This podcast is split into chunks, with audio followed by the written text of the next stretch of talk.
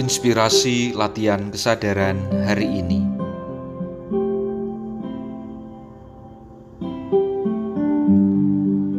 Ada tempat-tempat yang umumnya orang bilang angker atau keramat. Tempat yang identik dengan keberadaan roh-roh atau arwah-arwah penunggu ataupun tempat yang memiliki kekuatan magis spiritual. Aku dan kamu boleh saja setuju atau tidak setuju. Tidak ada juga yang mengharuskan untuk percaya pada fenomena yang ada ini.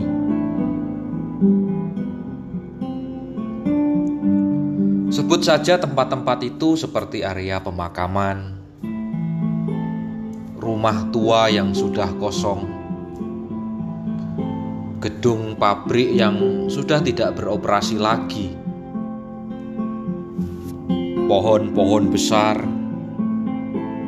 tempat ibadah,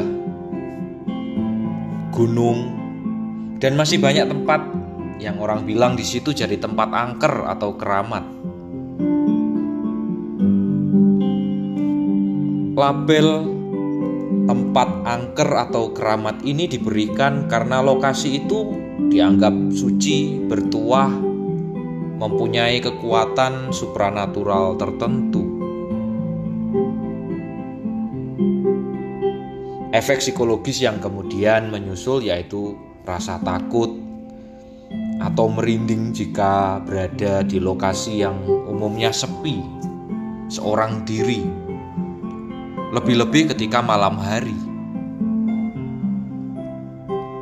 Kalau tidak begitu, tempat itu menjadi lokasi di mana orang yang berada di situ merasa diri dalam situasi hati-hati penuh kewaspadaan.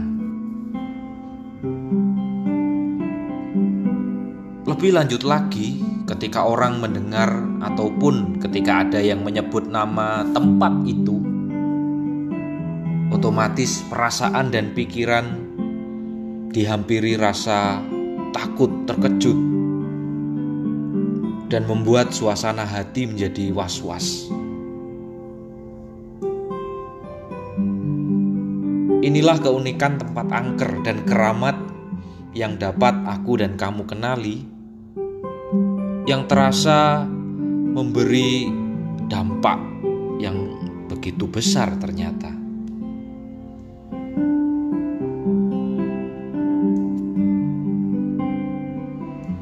Label keramat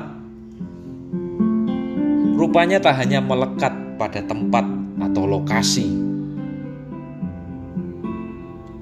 Label keramat juga dapat melekat pada diriku dan dirimu. Kok bisa? Ketika orang lain merasa takut,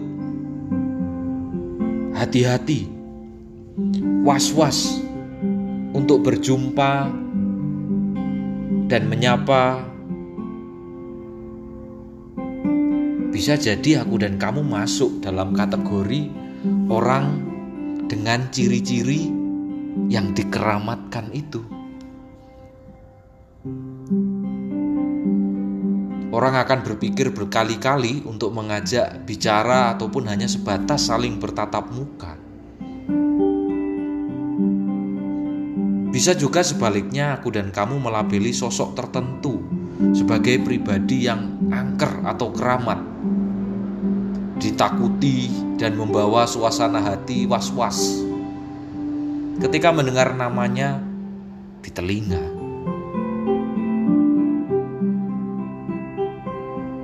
Tapi sekali lagi, aku dan kamu yang bisa mengenalinya.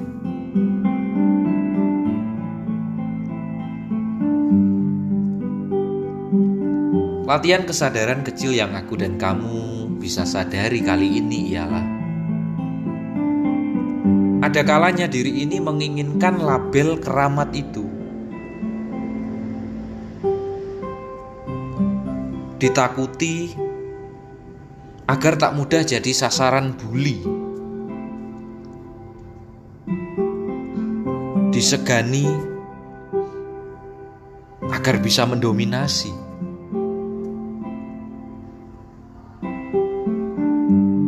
Dikagumi dengan ekspektasi menjadi sosok yang menginspirasi. Makin keramat, sepertinya hidup ini semakin nikmat dan selamat. Benarkah demikian? Hanya kamu yang tahu. Tak hanya tempat yang keramat, tapi diri ini punya keinginan untuk dikeramatkan. Meskipun pada akhirnya bukan hidup keramat yang diinginkan, tapi hidup berahmat yang harusnya aku dan kamu rindukan.